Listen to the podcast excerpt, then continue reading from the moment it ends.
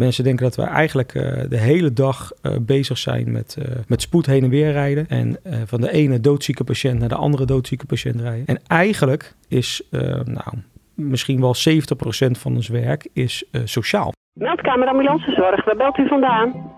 Er is hier een ongeval gebeurd. Welkom bij Kom bij de Ambulance, de podcast. De podcast over werken op de ambulance.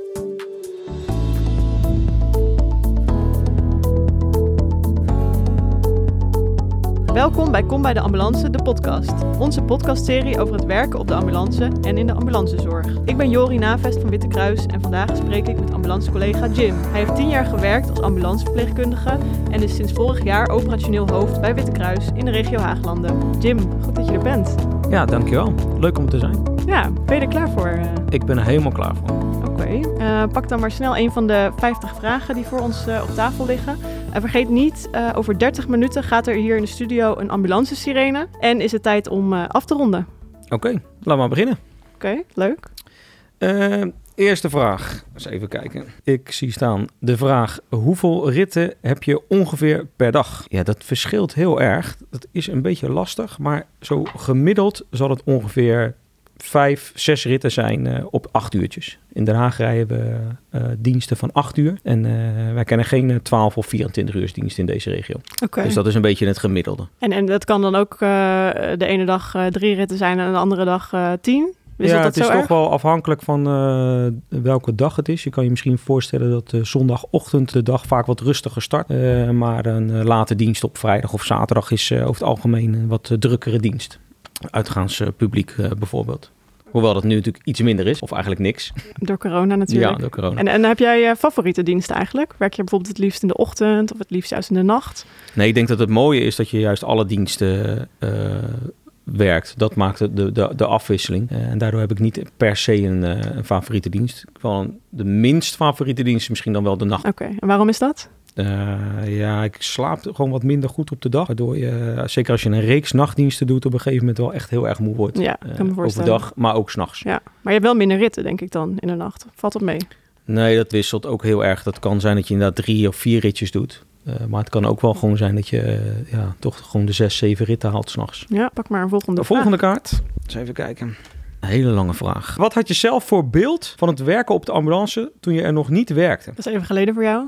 Eh, ja, dat is eh, ruim tien jaar geleden. En dat, dat is inderdaad wel een goede vraag. Want het beeld wat mensen vaak hebben van de ambulance is een heel ander beeld dan het daadwerkelijk is. Mensen denken dat we eigenlijk eh, de hele dag bezig zijn met, met spoed heen en weer rijden. En van de ene doodzieke patiënt naar de andere doodzieke patiënt rijden. En eigenlijk is, nou, misschien wel 70% procent van ons werk is eh, sociaal. We zijn bezig met heel veel sociale problemen oplossen. En het kan prima zijn dat we daar misschien met spoed naartoe eh, eh, gereden zijn. Maar daadwerkelijk eenmaal aangekomen is het niet misschien een sp- een spoed, spoedeisende vraag. En dat beeld had ik eigenlijk zelf ook wel een beetje. Dat je Ja, daar ja. meer mee bezig zou zijn. Kun je een voorbeeld geven van zo'n sociaal probleem waar je het over hebt? Nou ja, eh, de afgelopen jaren is eh, eh, verpleeghuizen zijn natuurlijk gewoon minder geworden. Mensen wonen langer thuis en je komt dan. Verzin, verzin waarom je er bent gekomen. Maar als je eenmaal aan bent gekomen, dan zie je bijvoorbeeld iemand die thuis het eigenlijk niet meer goed redt. Hè? De thuiszorg is niet goed opgestart. eh, heeft geen familie waar je op terug kunnen vallen. Eh, en dat is dan hetgene waar we ook mee aan de slag moeten. Hè? Dus ook de huisarts moet dit nu weten. Dat ga je oplossen. En ga je zorgen dat de zorg eh, thuis ook beter wordt. En misschien moeten die mensen alsnog wel mee naar het ziekenhuis. Maar dat sociale stukje moet ook opgelost worden. En dat zien we wel gewoon echt meer. Zeker de afgelopen jaren. En dat Ja. had je dus niet, niet verwacht van tevoren? Nee, dat weet je gewoon niet. Nee. Dat weet je niet. Je hebt geen idee eh, wat er thuis natuurlijk bij mensen achter de voordeur gebeurt. En dat zie je pas als je daar komt. Kijk, ik was 17 toen ik bedacht had dat ik naar de ambulance eh, wilde. En wat weet je dan überhaupt eigenlijk nog eh, ervan? dus En, wat, waarom wilde je zo graag op de ambulance werken? Weet je dat nog? Nou ja, kijk, ik, ik wilde graag verpleegkundige worden. En ehm, dat wil je omdat dat werk je aantrekt. En dacht dan wel van, dan is dan voor mij het, het mooiste wat ik zou kunnen bereiken als verpleegkundige... is ambulanceverpleegkundige met daarbij de gedachte dat je dan een heel eh, vrij eh, vak hebt en je, je werk heel zelfstandig kan doen. Dat was eigenlijk de reden toen al dat ik dacht van, nou, dat is, eh, Mooi. Dat is mooi om te doen. Ja, ja. Oké. En, en kun je je eerste rit nog goed herinneren? Of een van je eerste ritten?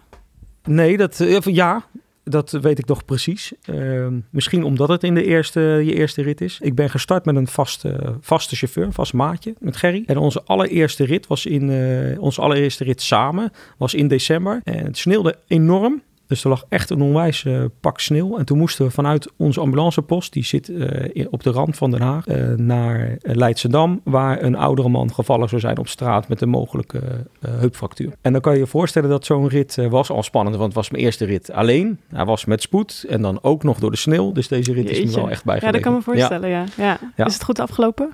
Uh, we zijn daar heel huids aangekomen. Okay. Ja. ja. Goed om te horen. Ja. Dus um, dat weet ik dan wel goed. Ja, ja, kan me voorstellen. Ja. Het is natuurlijk toch wel spannend, zo'n uh, zo'n eerste. Zo'n eerste rit, rit, is best apart. Uh, alleen. Ja, ja je bent de eerste weken of maanden word je natuurlijk uh, opgeleid met een werkbegeleider. En heb je bij elke dienst een werkbegeleider bij je. Uh, met, met veel ervaring en een ervaren chauffeur. En dan opeens, van de ene op de moment. andere dag, moet je los op de auto. Heb je wel een ervaren chauffeur bij je. Maar dan wordt er toch meer van je verwacht. Precies. Ja. ja. Zullen we door naar de volgende vraag? Is goed. Even kijken. Hoeveel informatie krijg je van de meldkamer uh, voordat je naar de patiënt toe gaat. Ja, dat is heel verschillend. Dat kan een volledig boekwerk zijn met informatie. Maar het kan heel goed zijn dat het eigenlijk heel onduidelijk is wat er afspeelt. Waardoor je maar een, uh, ja, wat steekwoorden krijgt. En waar ligt dat aan, dat verschil? Ja, misschien kan de, de melder maar slecht dingen vertellen. Uh, weten ze niet precies wat er speelt. Taalbarrière kan natuurlijk een ding zijn. Of de melder is al doorgereden, dus heeft iets gezien, weet niet precies wat, maar heeft toch gebeld. En eigenlijk maakt het ook niet zo uit als ik eerlijk ben. Je krijgt een melding en dat is prima. Hè? Je leest hem en je gaat er naartoe.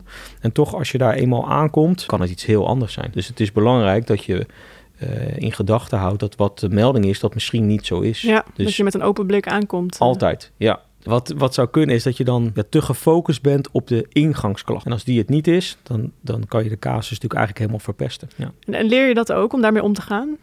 Ja, dat wordt je wel eigenlijk vanaf het eerste moment uh, verteld uh, om dat zo te doen. En je moet het alleen wel blijven doen. Kijk, je hebt uh, toch ook wel, als je ergens binnenkomt, soms een vooroordeel.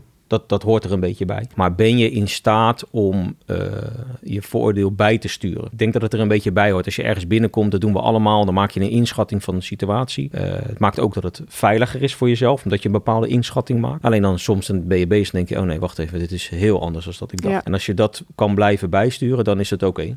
Ja, ik kan me ook voorstellen, helemaal uh, naarmate je uh, meer ervaring hebt, dan heb je natuurlijk steeds meer dingen gezien. En dan denk je misschien sneller van, oké, okay, dit is deze hoek, hier moet ik aan denken. Ja, en dat kan je, kan je ook helpen. Hè? Dat ja. is natuurlijk ook zo. Hè? Dus, uh, je ervaring of je rugzak zit dan zo vol dat er bij de kleinste alarmbellen je al denkt, oh wacht even, dit, dit kan wel eens dit of dat zijn. En dat is wel heel belangrijk dat je het ook in je voordeel gebruikt. Dus dat is zeker zo. Zal ik een nieuwe vraag pakken? Ja.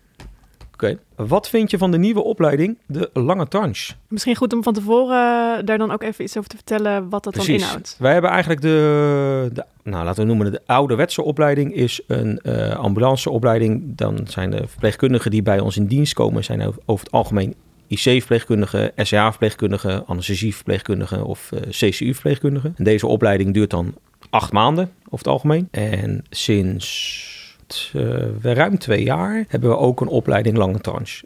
Wat houdt dit in? Dit zijn basisverpleegkundigen met wel minimaal twee jaar klinische ervaring, maar zonder specialisatie. En dit is het grote verschil. En deze mensen gaan wij in bijna twee jaar opleiden tot ambulanceverpleegkundigen.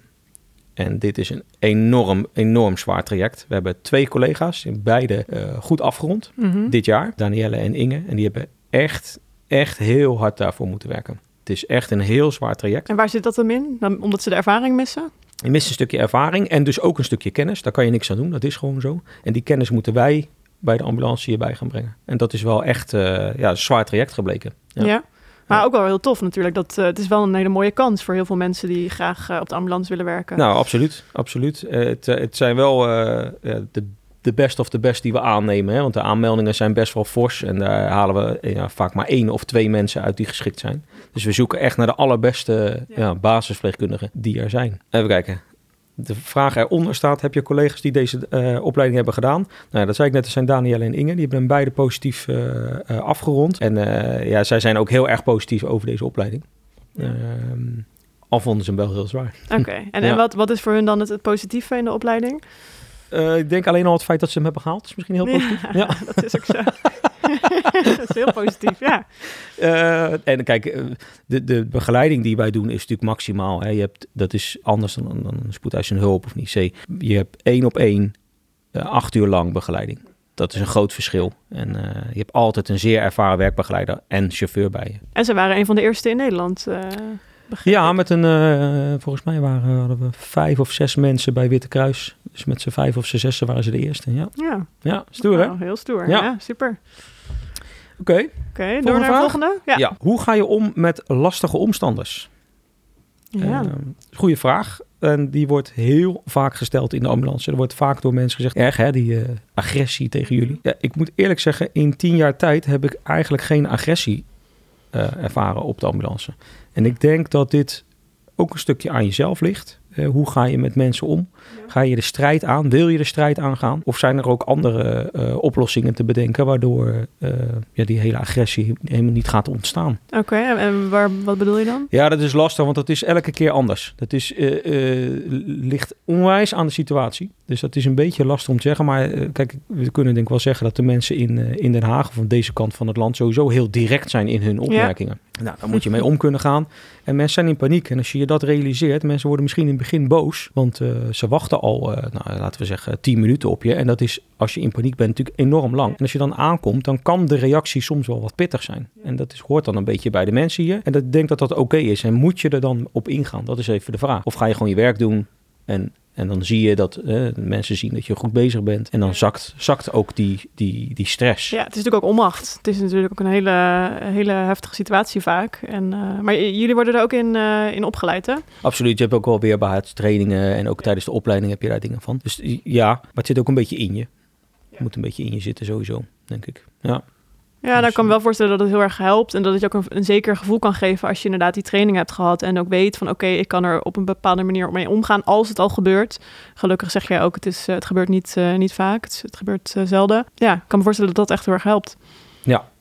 Het is een beetje je karakter, ja, hoe je dat aanpakt. En hoe, eh, ja, hoe snel ben je in dingen verzinnen. Dat scheelt ook soms. Hè. Soms worden de dingen gezegd en hoe snel kan je daarin meekomen. Ja. Om het een beetje recht te trekken weer. eh. Ja. En, en, en Jim, over omstanders gesproken. ehm, vorig jaar eh, is Chantal Jansen met jou meegereden. Ja, Hoe, Dat was een collega dan, hè? Geen ja, was, dat is waar. Ja. Nou ja, ze stond natuurlijk af en toe een beetje buiten een omstander. ik denk, maak even een mooi bruggetje. Hoe, eh, hoe was dat? Ja, het was wel bijzonder eigenlijk. Hè? Het was. Het is van tevoren natuurlijk gewoon gevraagd en, eh, en duidelijk gemaakt wat, eh, wat we gingen doen. Eh, Ja. Zij zou het, het gewoon, was inderdaad voor Chantal komt werken, voor Ja. het tv-programma. ja, en het is natuurlijk wel een beetje lastig. Ons werk filmen is lastig omdat we natuurlijk ja, behoorlijk zitten met de privacy van de patiënt. En zo'n programma is natuurlijk ook, heeft natuurlijk best wel een showwaarde. En dat, dat, is het, dat maakt het ook mooi. Er zit ook heel veel humor in natuurlijk. Zeker, zeker. En ik denk dat dat ja, zo de hele dag door ehm, is dat echt, is het ook echt zo geweest. Het was echt een leuke dag. We hebben van, echt van alles gedaan. We hebben allerlei soorten ritten gehad. En ik denk dat we een mooi inkijkje hebben kunnen geven in ons vak. Ehm, en eh, voor ons was het leuk dat zij zo'n dag meegaat, want zij is inderdaad wel heel erg eh, grappig. En eh, dat merk je ook Dus tijdens, de- ja, tijdens zo'n dienst. Eh, gelukkig was de klik ook tussen eh, de chauffeur Barry, Chantal en, en ikzelf was gewoon echt heel goed. Dus we hebben echt ook wel een hele leuke dag gehad. Ehm, Leuk joh. ja, en dat was eigenlijk vlak voor eh, het moment dat ik ging horen dat ik over, de overstap zou maken naar operationeel hoofd. Ah, dus dus was wel een perfecte afsluiting eh, ja, ja, van de carrière op de bus. Ja. Mis je het? Het werken op de ambulance? Eh, zal ik volmondig ja zeggen? Ja? ja, ja, absoluut. Eh, ik ben niet gestopt op de ambulance omdat ik het niet meer leuk vond. Ik wilde alleen ja, toch duurzaam inzetbaar worden, zijn. En ik denk dat, dat dat heus nog wel een aantal jaar op de ambulance had gekund. Alleen dit kwam voorbij. Ehm, ja, het was denk ik het moment om toch de stap te maken. Dus geprobeerd, gesolliciteerd en gedaan. En ja, uiteindelijk is dat gelukt. Maar ja, ik, ik mis het zeker wel. Wat ik wel doe, is eh, met grote regelmaat eh, meerijden met zowel de, de low care, de medium care en de, en de high care ambulances. Oké. En waarom doe je dat dan? Nou ja, eh, één, omdat ik het nog steeds leuk vind om te doen. Mhm. En twee, maakt, hè, je bent operationeel hoofd, dus je bent dagdagelijks verantwoordelijk voor, de, eh, voor, het rijlen en zeilen op de, op de werkvloer. En dat kan je denk ik alleen maar als je ook nog goed zicht hebt op, het, op de werkvloer. Als je alleen maar in je kantoor zit, dan heb je eigenlijk geen idee wat er zich afspeelt op de werkvloer. Dat is al één ding wat, wat ik overigens eh, eh, meer doe, is niet ve- veel op de werkvloer zijn. Ik ben eigenlijk maar weinig op kantoor. Ze zijn me eigenlijk altijd kwijt. Dat komt omdat ik op de werkvloer ben. En daarmee En dat vind je dan het, eh, belangrijk? eh. dat, is, dat is mijn werk. Ja. Dus eh, ja, dat lukt niet vanuit kantoor. Zullen we door naar een volgende vraag? Dus even kijken. Oké, waarom moeten mensen volgens jou bij de ambulance komen werken? Ja, Ja, dat moet je De vooral vraag. doen als je het zelf wil.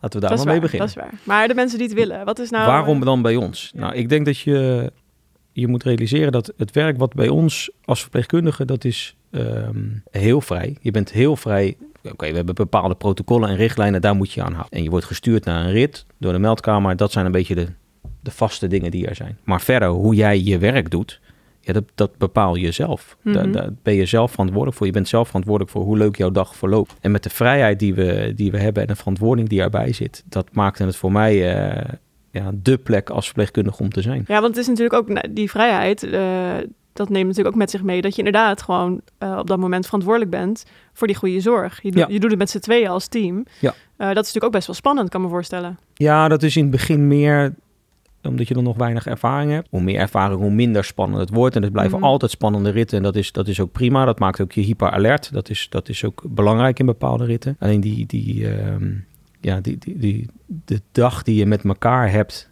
op zo'n bus, dat, dat, maakt dat, dat, dat maakt het ook tot een leuke dag. Dus ja, waarom rij je, bij on, rij je op een ambulance? Ja, omdat je, omdat je dan heel veel vrijheid hebt, je kan, je werk kan doen en de mensen maximale zorg kan geven. En dat is op zich nog wel een interessant punt. Want als je kijkt, ik kom zelf van de spoedhuis en hulp vandaan.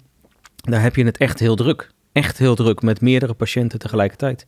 En op een ambulance heb je in principe één patiënt. Ja, dat is Die, waar. eh, Volle focus op die ene 100% patiënt. zorg kan geven. En dat maakte het voor mij eh, ook wel een van de mooiste dingen. Dat je iedereen de maximale zorg kan geven. En hoeveel tijd heb je gemiddeld? Ben je bezig met één patiënt? Eh, ja, dat wisselt een beetje. Maar laten we zeggen gemiddeld een uur. Maar als Maar het is het twee uur gewoon is, dan kan tijd dat ook. hè? nodig is. Ja, ja, als dat zo blijkt dat het nodig is, dan is dat zo. En daar zal je dan ook niet, niet iets van horen. Nee, nee. dus dat, is, dat, ja, dat, dat maakt het wel heel mooi. Oké, Ja. Tof. Weer een vraag zoeken. Nou, even kijken, wat moet ik als burger doen als ik zie dat er een ambulance achter me aankomt rijden? Nou, laten we maar andere beginnen met niet in paniek raken. Eh, mensen hebben soms het idee dat ze direct aan de kant moeten. En dat is niet zo.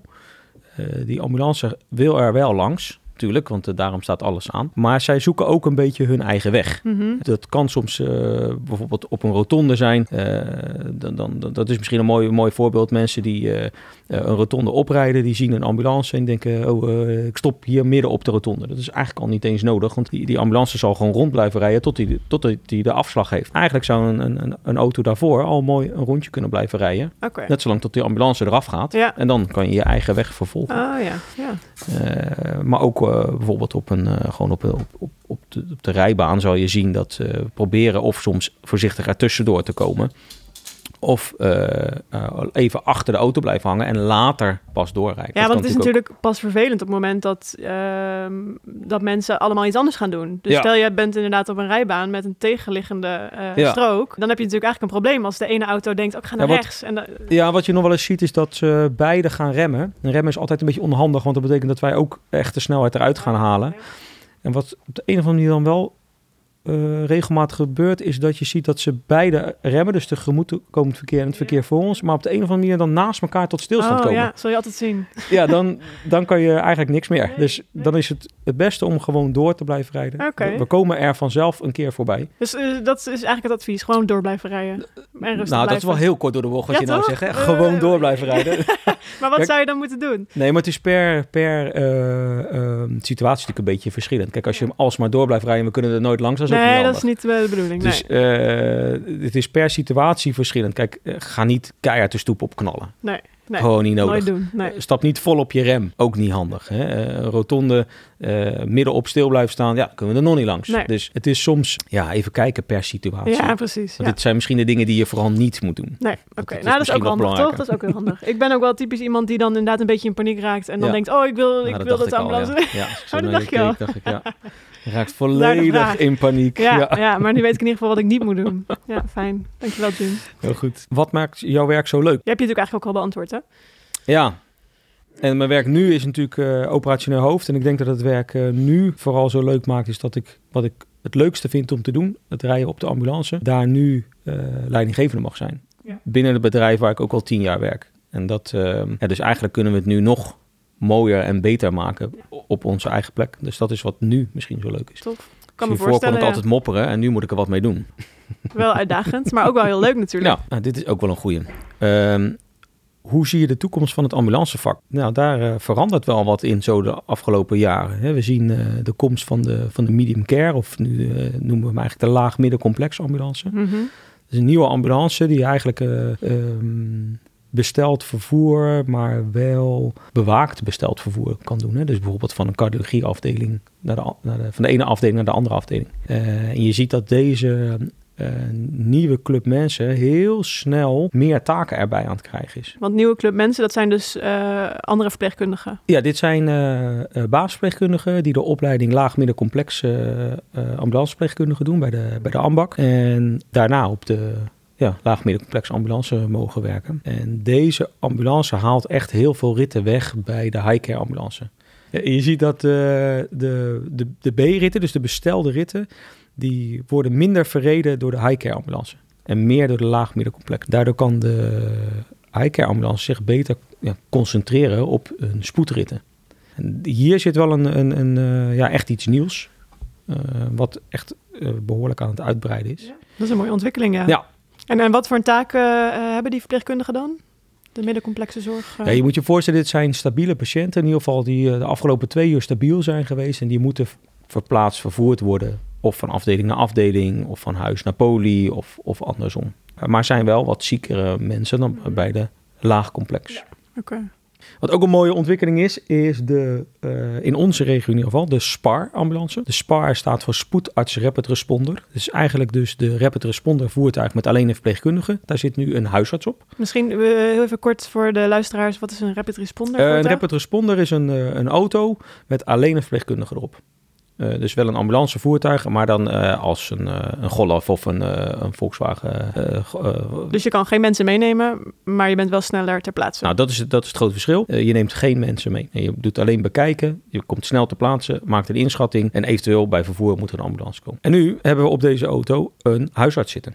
Mhm. Dat betekent dat we een huisarts te plaatse laten komen. Eh, dat kan in een spoedsetting zijn, maar het kan ook een vraag zijn van de ambulance. Waarbij ze denken, ja, ik kan deze patiënt wel ter plaatse laten. Maar Mhm. eigenlijk heb ik daar een huisarts voor nodig. Die meekijkt voor nou, maak wat medicatie of nog wat extra zaken regelt. En dan komen zij eh, erbij en ondersteunen de ambulance. Dat werkt eigenlijk heel erg goed. Ja? Ja, En, en wat, wat zijn de voordelen ervan? Wat, wat je er nu aan? nou, het voordeel is dat je soms niet de eigen huisarts kan bereiken, van mijn part, omdat het eh, avond of nacht is. En dan heb je natuurlijk wel de, de huisartsenpost. Ja, die zijn ook druk en die kunnen niet altijd ter plaatse komen. Eh, en deze auto rijdt gewoon in onze paraatheid en kan daardoor eh, aangestuurd door de meldkamer snel ter plaatse Oké, komen. want hoe werkt dat dan? Zit de huisarts dan ook eh, hier op de ambulancepost eh, te wachten tot hij opgeroepen wordt?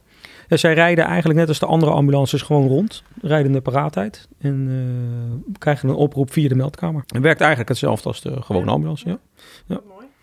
Mooie ontwikkeling. Wat ook een mooie ontwikkeling is, is de verpleegkundig specialist. Rijdt nog niet in Den Haag, maar in andere regio's van Witte Kruis wel. Zeeland, hè? Begreep ik. Zeeland, ja. Dit zijn eh ambulanceverpleegkundigen die daarna nog eh, verpleegkundig specialist eh, zijn geworden, opleiding hebben gedaan. En die hangen qua bevoegdheden weer een beetje aan de artsenkant en de huisartsenkant. Dus eigenlijk kunnen zij net weer wat meer dan een ambulanceverpleegkundige. En dat is vooral bij ter plaatse laten natuurlijk interessant. Eh, dus dat is, eh, dat is ook nog een mooie ontwikkeling. Maar Ja. wat ik zeg, hebben we in Den Haag nog niet, maar dat, dat komt vast. Wie weet, ja. Oké.